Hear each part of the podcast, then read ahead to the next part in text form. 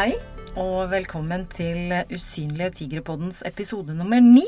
Dette er podkasten som vil gi folk kunnskap og innsikt om rus og pårørende i Norge. Jeg heter Jeanette Flagstad, og i denne episoden har vi fått besøk av Mette Nordmann, som er avdelingsleder og eh, familieterapeut i Blå Kors Kompasset. Vi har i tillegg med en gjest. En som vet hva eh, Blå Kors Kompasset gjør. Hvordan de hjelper. Eh, og du, Tone, du kjenner godt til å være pårørende. Mm. Jeg har lyst til å spørre deg, Mette. Hva er det som gjør at du er så engasjert i dette feltet og jobber med det her? Mitt største engasjement i dette feltet med det å jobbe med de som har vokst opp i familier med rusbelastning, det kommer av at jeg har eh, jobba ti år i rusbehandling. Mm.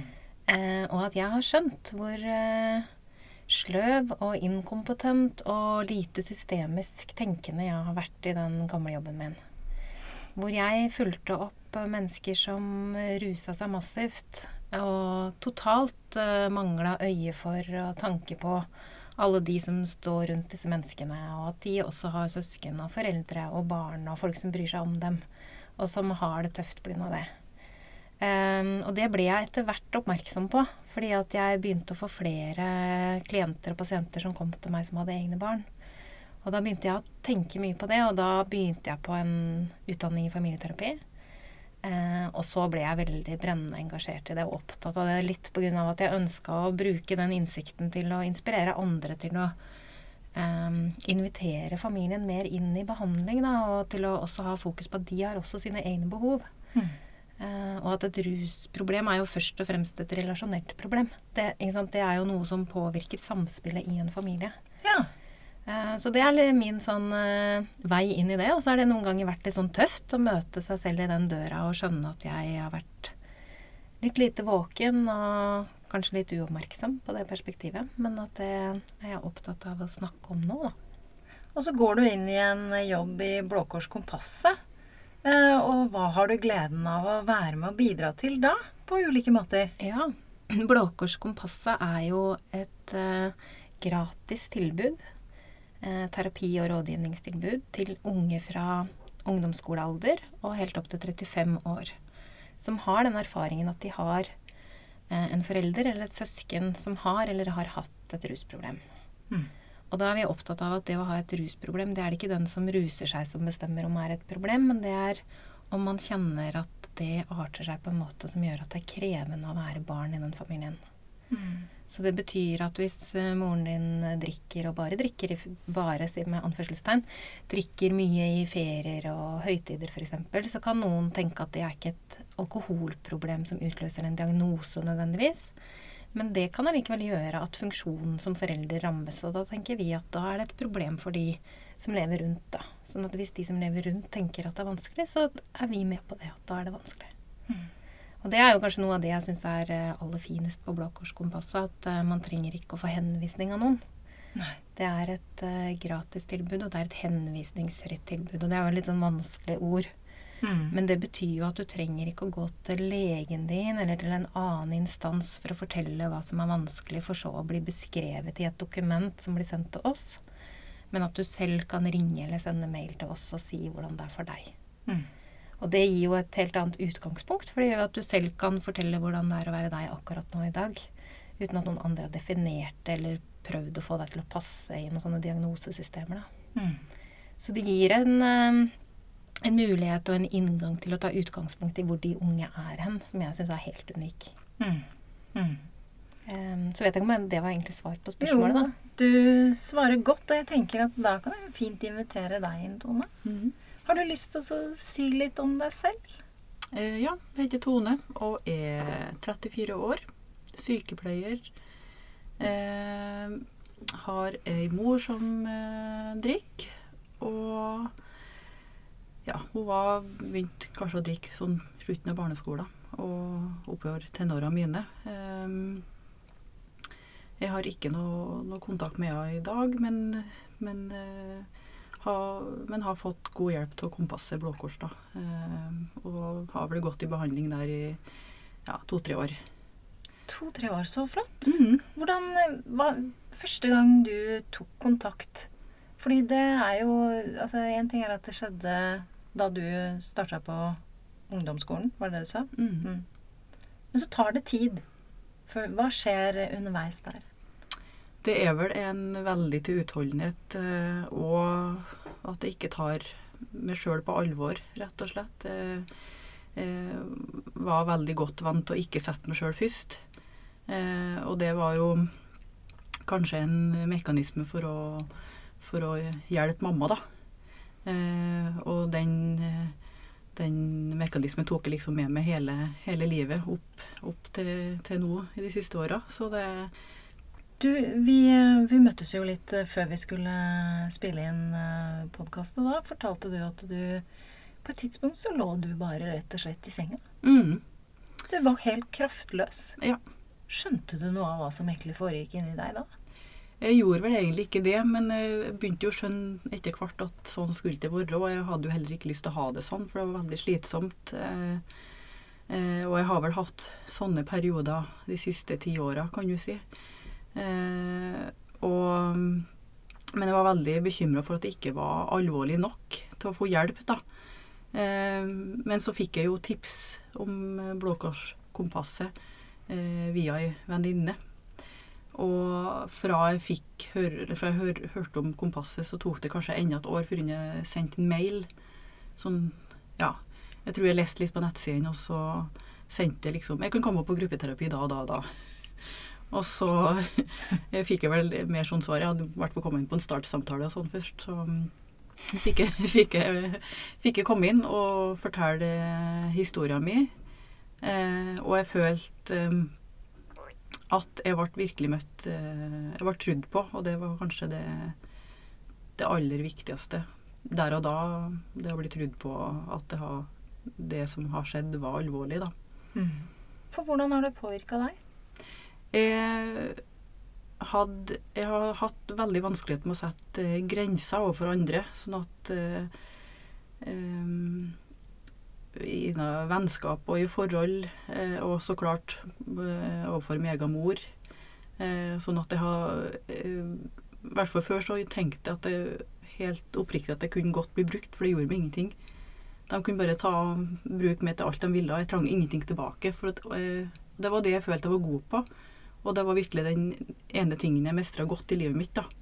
Mm. Så da tenkte jeg at uh, hvis, jeg dem, hvis jeg kan hjelpe dem, så, så liker de meg. Mm. Folk rundt meg, da. Mm. Venner og Venner og bekjente og kollegaer og ja, alle jeg møtte på min vei, da. ja. Mm. Og så skjer det at du bruker opp alt av energi inni deg sjøl, da. Det gjorde det absolutt, og gjorde at det ble eh, Jeg syns det er vanskelig å liksom forklare mekanismen, men jeg, gjorde, jeg ble helt utslitt og, og deppa, rett og slett.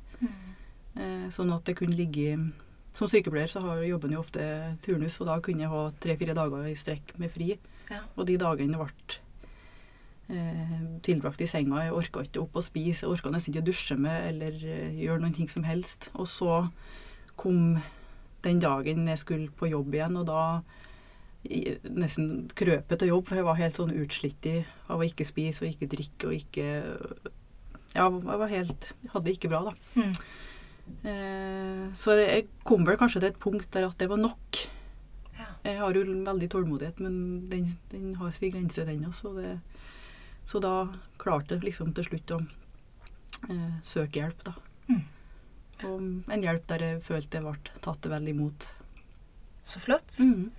Mette, vi har hatt noen andre hjelpetilbud eh, her, bl.a. Mm. NKS veiledningssenter. Eh, hvordan opplever du eh, de som tar kontakt med dere, altså liksom aldersspenn? Hvordan Er det sånn som det var med Tone, at de er bare helt utslitt når de først kommer, eller er det litt ulikt? Jeg fikk bare lyst til å si først at, at vi er jo veldig glade for at det finnes et mangfold av tilbud til pårørende. Eh, at det fins eh, alt fra barsnakk til Veiledningssenteret for pårørende til pårørendesentre. Ikke sant? Det er mange forskjellige aktører i dette feltet. Mm. men det er allikevel ikke nok aktører i dette feltet, og det er viktig med en bredde i oppfølging av pårørende. Eh, og så er jo vi, bare si det, nå hørte jeg at du brukte begrepet pårørende. Ja. At vi på Kompasset, vi er opptatt av det at når man kommer til Kompasset, så kommer man ikke til Kompasset som en pårørende. Da kommer man dit pga. sitt eget behov. Mm. Da er man ikke til stede eh, som en aktør eller en eh, slags sånn eh, støttespiller i noen andres liv. Da er det poenget å være aktør i sitt eget liv. Eh, fordi at veldig mange som kommer, de har jo vært vant til det. At de har blitt invitert inn i samtaler eller inn i behandling, eller at det blir invitert inn til den som drikker eller ruser seg når man trengs, fordi man skal yte en tjeneste. Litt sånn som du sa, ikke sant? at du blir så vant til det. At det å være til stede for alle andre er det som gjelder. Eh, og vi tenker at det er kanskje det aller viktigste. At den dagen man tar steget inn, eller telefonen til, eller sender mailen til Kompasset, så er det det første steget på en reise hvor man i mye større grad skal ta tilbake det å sitte i førersetet i sitt eget liv. da. Mm. At ikke det er noen som sitter og råkjører, og så sitter du bare på. Mm. For det er ofte sånn som man kanskje har opplevd det hvis man har vært prisgitt en person som ruser seg. ikke sant? Så er det det eneste som er forutsigbart når du lever tett på noen med rus, det er at det er fryktelig uforutsigbart. Du vet egentlig aldri hva som potensielt kan skje. Mm. Eh, og det tror jeg gjør at man blir gående rundt med en sånn beredskap eller en sånn forventning til omgivelsene sine på at jeg kan egentlig ikke regne med noen ting. Mm. Eh, som jeg tror slår ut sånn som Tone beskrev. Eh, og så er det jo det at det er, ikke, det er ikke sånn at alle har det sånn som Tone når de kommer til Kompasset. Eh, og det er jo et bredt spenn dette med fra 13 til 35 år. ikke sant? Det er ganske stor forskjell på det. sånn at noen ganger så kan vi jo undre oss på om tilnærmingen passer for de som er i ytterkant av målgruppa. For det er jo en ganske annen måte å møte en ungdom på enn å møte en som kanskje har etablert sitt eget familieliv. Det som er felles, er, syns jeg nesten alltid, det er at man lurer på er dette sant. Eh, kan det virkelig stemme? Er det noen som kan tro på dette? Er det noen som kan anerkjenne det som jeg har opplevd? Kan jeg få lov å ha min opplevelse, selv om mine søsken opplevde det annerledes, og selv om min mor eller far har benekta at det har skjedd? Um, og kan jeg snakke om det på min måte og finne mine ord og ta det i mitt tempo?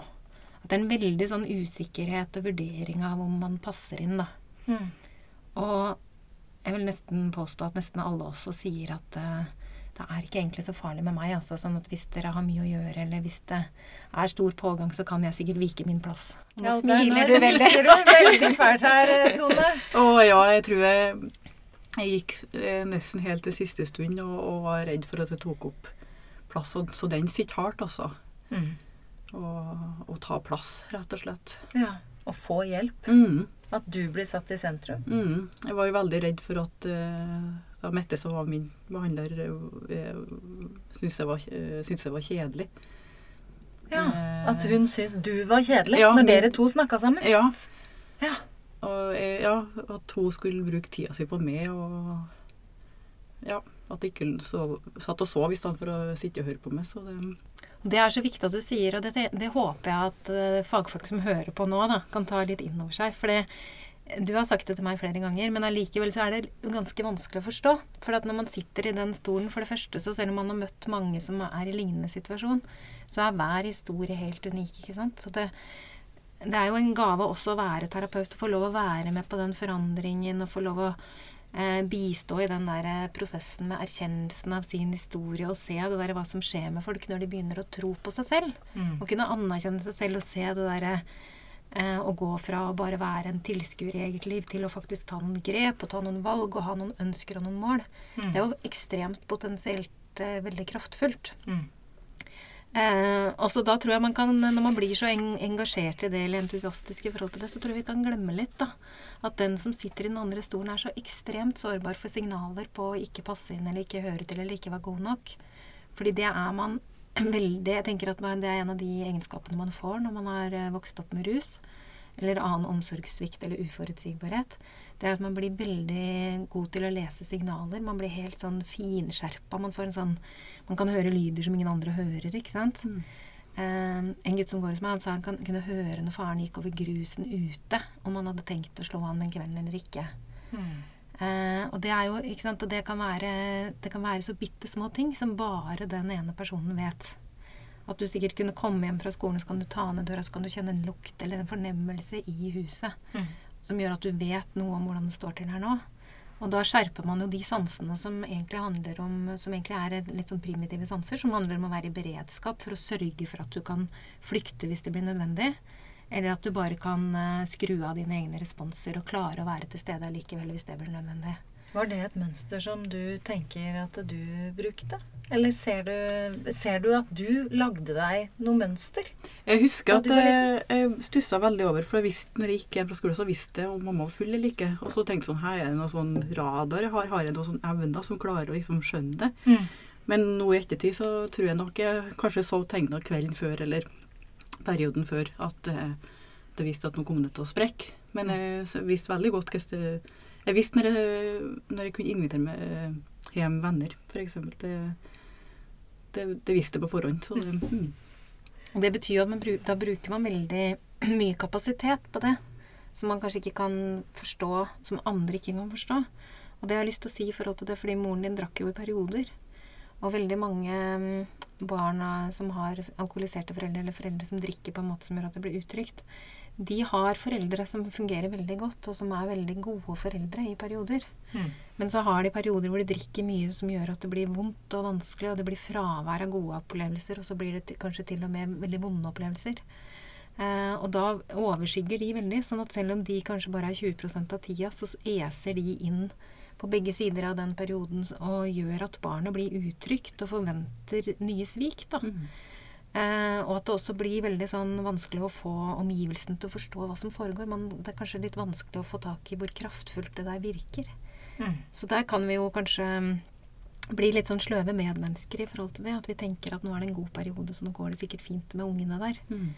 Men at kanskje nettopp da er det ingen som snakker om det, og det er ikke så lett å vite hva man skal tenke eller gjøre rundt det. Og man kan også kanskje tenke at man er litt feil eller litt dårlig som reagerer på det. At Mm. dette burde jeg ikke henge meg opp i. Sånn at det, det har jeg litt lyst til å si, for jeg møter mange unge, og særlig ungdommer, da, som er fra 13 til 18, som, som stusser over hvor påvirka de er av det. At de har foreldre som drikker veldig mye i perioder. Og som, og som blir litt lei seg over det. At hvorfor, skal, jeg- hvorfor går jeg rundt og er trist over dette? Mamma er helt super når hun ikke drikker. Men da tenker jeg det er viktig å vite noe om det. At vi, sånn er vi laget fra naturens side. At vi er skapt til å være beredt. Mm. Så det betyr at vi legger mer merke til fare enn til glede og gode opplevelser. Og jeg får, får litt sånn um, lyst til å spørre deg Mange får jo en sånn Et liv hvor man man prøver å tilpasse seg, eller å liksom få til at Altså i ditt tilfelle mamma, da, skal være glad, eller at man skal prøve å bidra til dette og regulere dette misbruket noe. Mm. Hvordan var det for deg? Mm, jeg brukte nok ganske mye tid på at hun skulle ha det bra, og spesielt når hun var, hadde, hadde stoppet, så hadde hun veldig mye fylleangst. Så torde hun ikke å gå i butikken og sånne ting. Og jeg husker liksom sto og hadde peptalk med henne før vi skulle i butikken sammen. Og hun eh, klarte etter hvert å gå ut, og så var, hadde jeg vel kanskje en slags angst, da. Så at hun bak Reoris måtte liksom nesten fikk panikkangst, og jeg måtte liksom roe ned henne. Eh, og jeg husker jeg laga dagbok eh, der jeg skrev sånne fine ting som hun kunne lese i hver dag. Og jeg husker jeg lima inn i speil, så hun kunne liksom se seg sjøl og si at jeg er fin, jeg er glad. Jeg gjorde veldig mange sånne ting for at hun skulle ha det bedre. Mm. Og det husker jeg Sånne ting gjorde jeg liksom fra jeg var veldig lita. Mm. Og hvis jeg skjønner det riktig, så gjør man jo ofte sånne ting fordi man håper at de skal velge noe annet. Absolutt. Jeg, og jeg ville jo at hun skulle ha det bra. For at Mm. jeg, jeg var jo glad i henne, og hun betydde jo uendelig mye for meg. Så det, det var Jeg lærte i hvert fall veldig tidlig at sånne ting måtte jeg prøve å gjøre da, for at hun skulle få det bedre. Hjalp det? Eh, nei, det tror jeg ikke det gjorde. Det, dessverre. Det, jeg tror nok kanskje det hadde en effekt der og da, men ikke over tid. Og når du da Først får du, får du høre om Blåkårskompasset, Mm. og så tar det et år. Og så sender du mail, og så kommer du på en første samtale, én til én. Og så skal du i gruppe. Har Mm. du lyst til å fortelle hvordan var det? Første gangen kommer du i gruppe. Hva skjer da med deg? Hva tenker du? Eh, ja, første gangen var jo og det å se at eh, Jeg trodde jeg skulle møte en gjeng med tapere. For det var vel kanskje sånn jeg følte det sjøl. Eh, så kom jeg og så at de så helt normale ut. Ja. Og, så det var kanskje det liksom den første aha-opplevelsen. Eh, og så eh, gikk jo i, i, i en sånn eh, startgruppe først, da, der vi blir, får litt sånn kursing det å være det å vokse opp i, i rus. Eh, og så kom jeg i en ny gruppe eh, der, der det var mer terapi.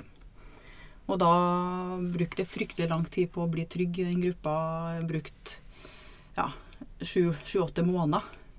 Sånn at jeg har jo sett for meg hvis jeg havna i sånn gruppe der, en annen gruppe da, der jeg har, måttet, der jeg har hatt bare åtte ganger, så tror jeg nok jeg ikke har blitt ferdig inni meg sjøl med en sånn type gruppe. Så det å få gå i gruppeterapi på Kompass i lang, lang, lang, lang tid, det var veldig viktig for meg. For det var ikke noe tidsbegrensning? Ingen måtte- tids... Det, det Altså, det avgjorde vi gjorde sjøl, da. Eh, og i tillegg at, at det måtte ha en, et mål for å gå der. Mm. Så det Jeg, jeg, jeg på en måte overførte de mekanismene jeg har brukt ute blant vanlige folk og venner og kollegaer. Mm. Tok jeg med meg inn i gruppa og begynte å Jeg følte meg, då, eh, jeg følte meg veldig eh, Ja, hva jeg skal si? Jeg følte meg som en taper blant den gjengen òg.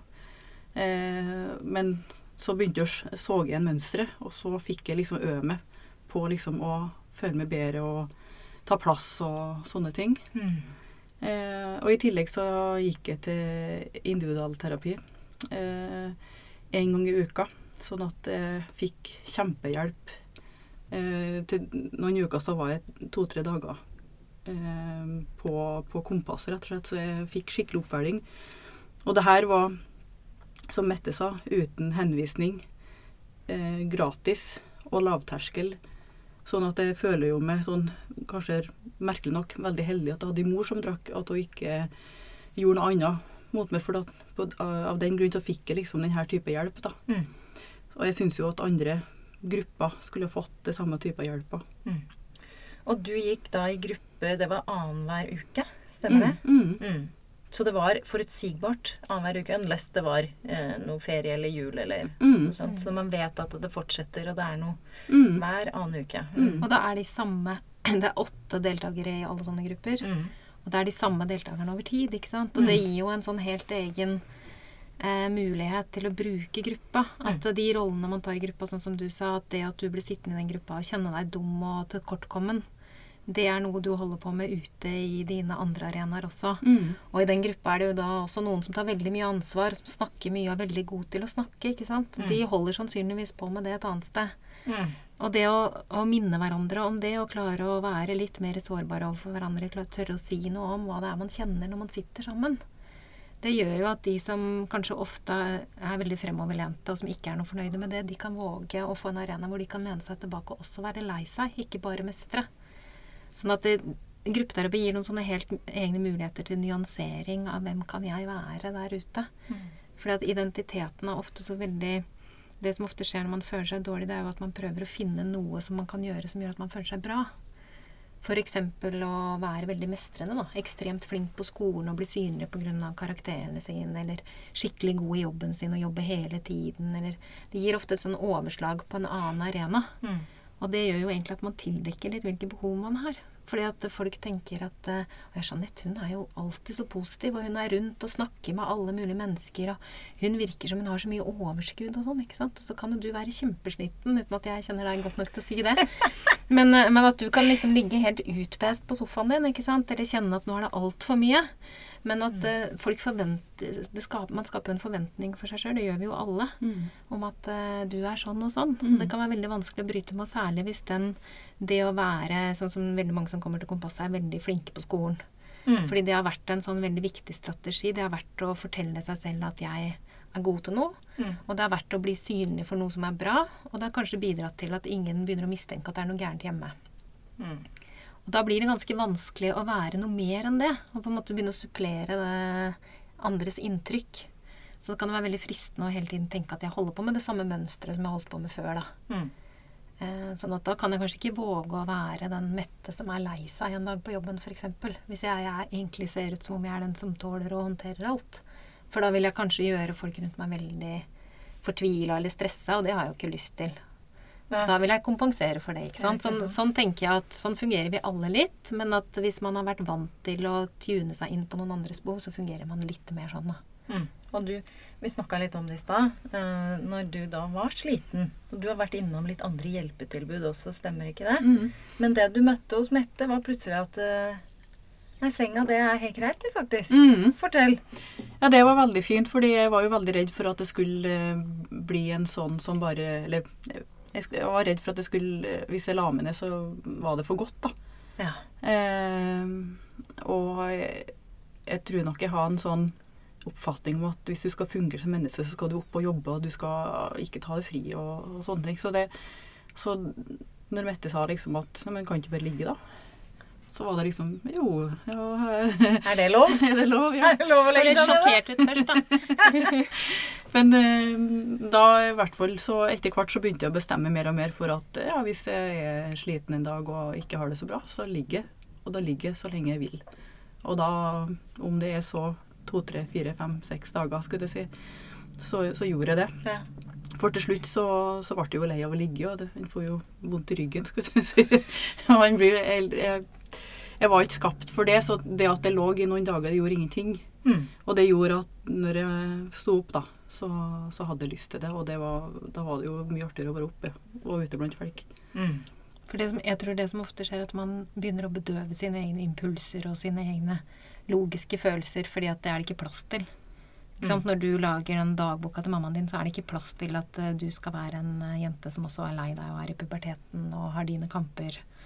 Uh, og da må man jo døyve de følelsesimpulsene sine på et vis. Og det å på en måte legge lokk på det. Mm. Så det, min tanke med å si at kan du ikke bare ligge i senga, var jo at det jeg tror at det kunne være Det var jo det du sa til meg, at det er det jeg gjør når jeg, når jeg har det tungt. Og det, min tanke var jo da at hvis du kan begynne å kjenne etter hva det er som, er som gjør at det er godt for deg å ligge i senga, så kan du begynne å få litt kontakt med hva som er bra for deg. Mm. Eh, og hva du føler som gjør at du ikke har lyst til å gå ut. Eh, for det er ofte det der å, få, å finne litt tilbake til hvem er jeg, da, inni alt dette her. Mm. Vi er på vei mot å runde av, og det er jo så utrolig mye vi kan snakke om innenfor dette feltet, så det jeg føler jo nesten at det er jo ikke ferdig i det hele tatt, dette her. Men, men eh, en viktig ting som jeg tar med meg da, læring av dere, er jo det at det er, det er jo helt normalt å reagere på sånne langvarige belastninger. Mm. Og det er utrolig mange som ikke vet det. At det er mange, mange flere enn det man tror. Og sånn som Og andre mennesker enn man tror. andre mennesker enn man tror. Sånn som eh, vi har snakket om før, Mette. At eh, du, får, du, får hen, eller du får henvendelser fra man kunne, ja, fra, hele Oslo, altså fra hele Oslo. Eh, fordi hvis vi skal snakke om rekkevidden Mm. eh, for Blå Kors Dere har jo dere har faktisk netterapi. Mhm. Alle i hele landet kan henvende seg og få netterapi. Er Og ikke bare i hele landet, men vi har også en del studenter som er på utenlandsopphold. Eh, men som er norske studenter, men Mhm. som kanskje har utplassering i København eller Slovakia eller Polen eller Frankrike. Og da kan de få terapi på Skype med oss. Nettopp. Og i tillegg, bare for å si det, dere har ulike eh, sentre også rundt i Norge. Mm. Hvor er dere lokalisert hen? Det er Tromsø, Trondheim, Bergen, Sandnes, Oslo og Lillehammer. Og som, som vi har snakket om før, dette her skjer jo i alle familier. Eh, både nord til sør og øst til vest. Eh, og du opplever jo også at eh, du får henvendelser fra barn eh, og unge. Ja, fra alle samfunnslag. Det er jo det som, eh, som kanskje har vært mest sånn øyeåpner for meg, er at dette er i alle samfunnslag, i alle boligområder, i alle gater, i alle skoleklasser. Eh, og det er litt tungt å ta inn over seg at det gjelder to til tre barn i alle skoleklasser. Men det betyr jo at vi alle kjenner noen. Helt sikkert så Mm. vet vi om noen og kjenner noen som har det sånn. Mm. Eh, og det er jeg opptatt av da, å snakke om. fordi at det er veldig lett å tenke at dette skjer ikke i mitt eh, nære miljø, eller dette kan jeg se, eller dette kommer jeg til å oppdage hvis det er sånn. Mm. Men det er jo du et kjempegodt eksempel på, Tone. At dette er jo ikke noe man ser utenpå folk. Nei. Og at barn vil alltid beskytte foreldrene sine, og at eh, mange foreldre er sammensatte. De er veldig gode foreldre når de er gode foreldre, og kjempefine mennesker. Og så blir det utrygt og uforutsigbart når de drikker for mye. Mm. Eh, og det kan ramme alle, og det er ofte litt tilfeldig hvem det rammer. Mm. Sånn at det er jo ikke noe vi kan eh, Det kan vi ikke prognostisere hvem det angår. Så da må vi bare ta med oss at det angår mange, og det angår andre enn vi tror. Mm. Og vi hadde jo en podkast her, den forrige vi tok opp her, var med Trond-Viggo Torgersen. Hvor vi hadde med spørsmål inn fra barn i eh, sjette klasse. Eh, og da kan jo noen spørre, men er ikke det veldig tidlig å dra inn barn i, i å undre seg rundt dette? Men der ser vi jo fra fagfolk at eh, barn finner jo fantasier og sine egne løsninger på hvorfor ting er som de er, hvis de ikke snakkes om. Eh, så det du nevner med at det er én til to, eller kanskje flere, i Mm. hver klasse som faktisk lever i dette her, så er det jo desto viktigere eh, at man snakker om dette. Fordi at når den det gjelder, virkelig kanskje trenger å få hjelp, så vet man allerede at man har snakket om dette her. At dette er noe som er i samfunnet. Og bare lyst til å kommentere i forhold til det, og det vet vi etter hvert veldig mye om, at barn må få en alderstilpassa sannhet. Men de må få sannhet. Vi, kan ikke, vi må ikke drive og si at mamma mamma var trøtt, eller mamma er innlagt på sykehus. Vi må si at mamma har drukket for mye, og derfor har hun sovna i stolen. Eh, og nå skal hun på rusbehandling, og noen andre skal prøve å hjelpe henne å drikke mindre. Mm. Sånn at vi må, vi må våge å si det, for barn vet det. Mm. eh, og de trenger at vi gir dem begrepet på det. Og de barna som kanskje ikke har problemene i familien, er det for ille at de får høre om at det fins sånne problemer, tenker du, Mette? Jeg tenker det er helt nødvendig. Vi har kommet ganske langt på sånne åpenhet. Det har jeg og Tone snakka mye om. Litt sånn åpenhet i samfunnet og tabu. Men jeg tror nok at rus er et område hvor vi har en stor jobb å gjøre i den forbindelse. Og det handler jo også om at vi alle eh, har et forhold til det. Særlig det til alkohol. og Enten vi drikker eller ikke drikker, så har vi alle erfaring med det. Fordi det er det eneste legale rusmiddelet vi har. Mm. Eh, sånn at det er noe vi alle tar stilling til hele tiden, egentlig. Mm. Og det gjør det kanskje litt vanskelig òg, på et vis. På et vis. Men tar, tar dere også imot eh, henvendelser fra eh, barn og ungdom som har foreldre som ruser seg på andre ting enn alkohol? Det gjør vi så klart. Det gjør skiller ikke på det. Mm. Og så er vi også opptatt av at eh, du har ikke vært nødt til å vokse opp med den forelderen. Nei. Eh, så hvis du har en pappa som har vært helt fraværende i livet ditt, men som du vet at har et rusmisbruk, så er du Mm. velkommen. Og det kan også være steforeldre som du har levd sammen med, som har påvirkning på deg i foreldrefunksjonen. Det finnes hjelp. Det finnes nettbasert hjelp. Det finnes ulike sentre rundt i landet.